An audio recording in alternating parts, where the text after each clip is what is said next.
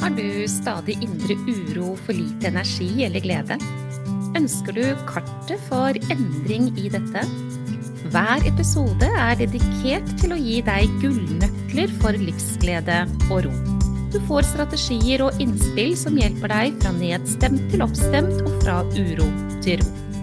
Vil du ha en gratis oppskrift for å lage deg gode dager? Gå til www.gayabalanse.no for din herlige morgenrutine.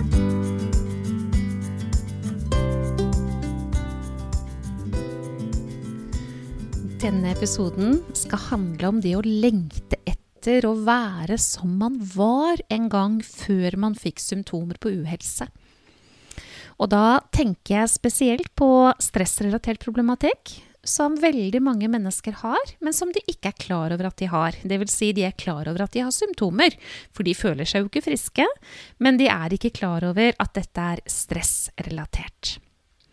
Jeg eh, har ofte noen tanker om eh, spesielle mennesker, altså ikke spesielle mennesker, men noen spesifikke mennesker. Det blir lettere å si når jeg lager disse episodene, og det har jeg også i dag.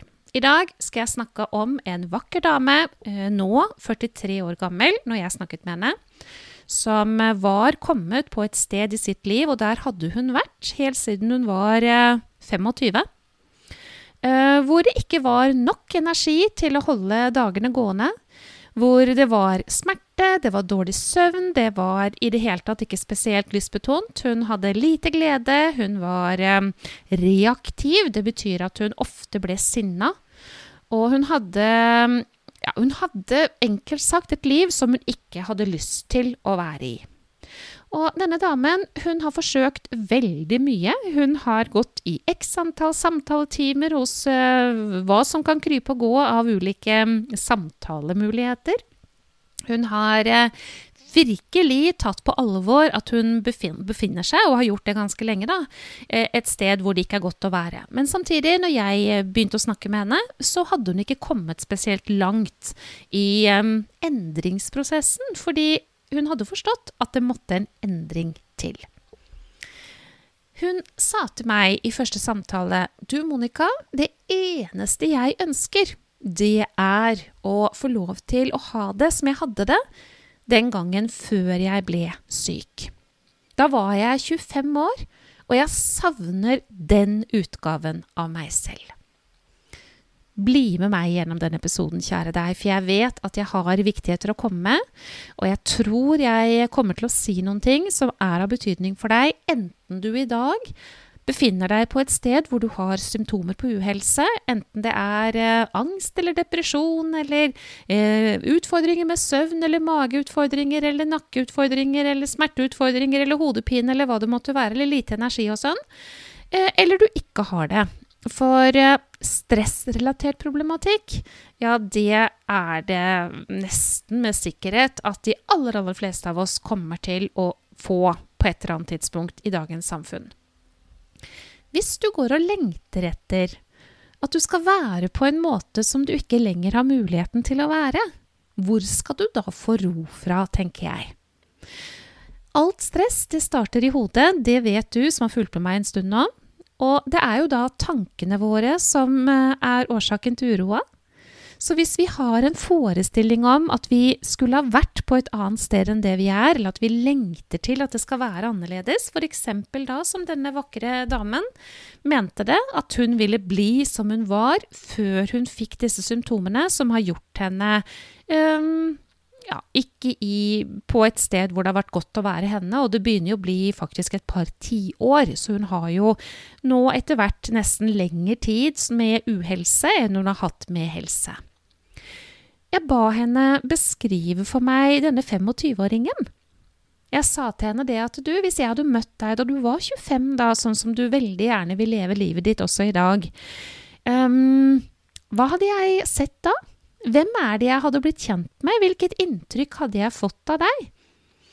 Og da la hun ut om den blide jenta med masse energi, jenta som hjalp alle andre, den jenta som alle kom og betrodde seg til, den jenta som tok oppgaver på hælen, den jenta som var høyt og lavt, den jenta som var Og så videre, og så videre.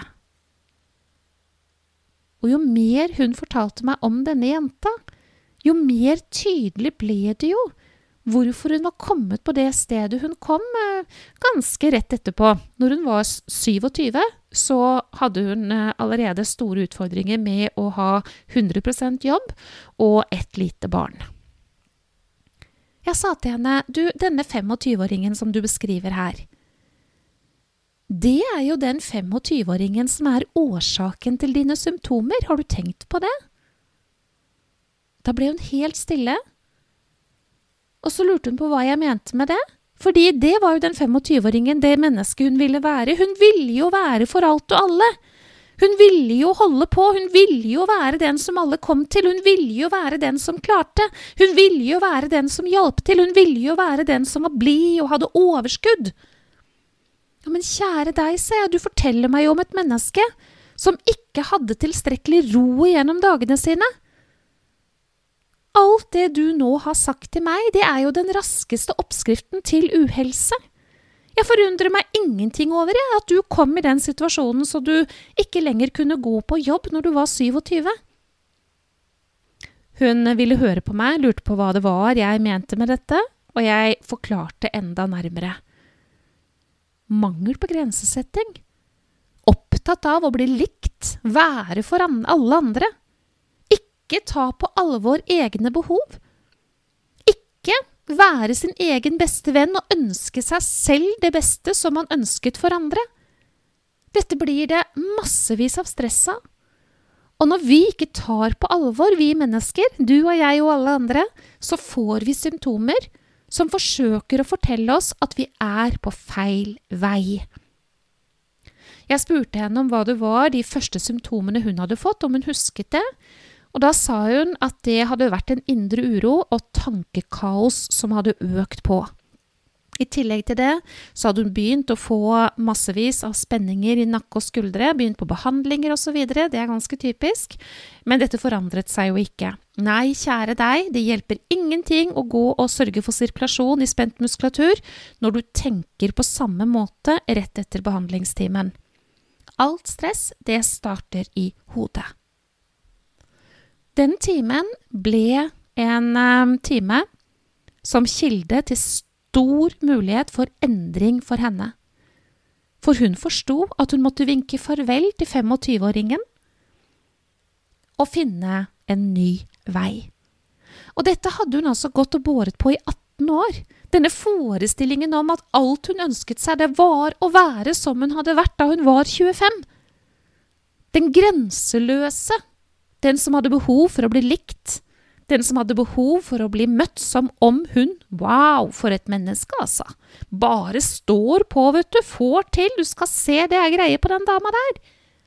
Til noe helt annet. Men det ble det første, helt nødvendige skrittet. At hun sa til meg i slutten av den timen at hun hadde forstått mer enn hun hadde gjort på veldig mange samtaletimer, det betød mye for henne at hun faktisk var kommet dit.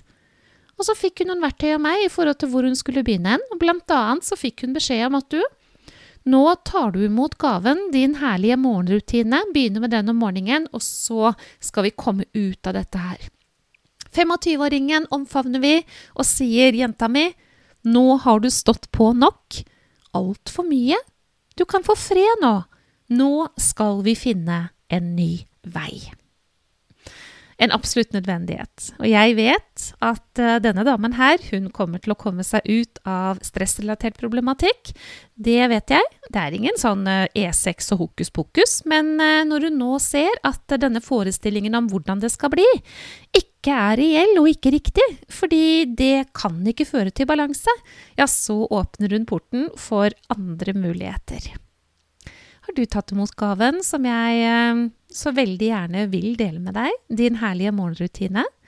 En gave som du kan ta imot på www.gayabalanse.no og starte dagene dine på beste måte. Og en av ingrediensene for å ta godt vare på seg selv, ja, det er å være sin egen beste venn. Så last det ned, ta imot, kjære du. Du er verdifull, du også. Og det kan hende du også har noe i historien din som du skal si farvel til. Som ikke lenger skal få lov til å være med deg fordi det er kilde til ubalanse.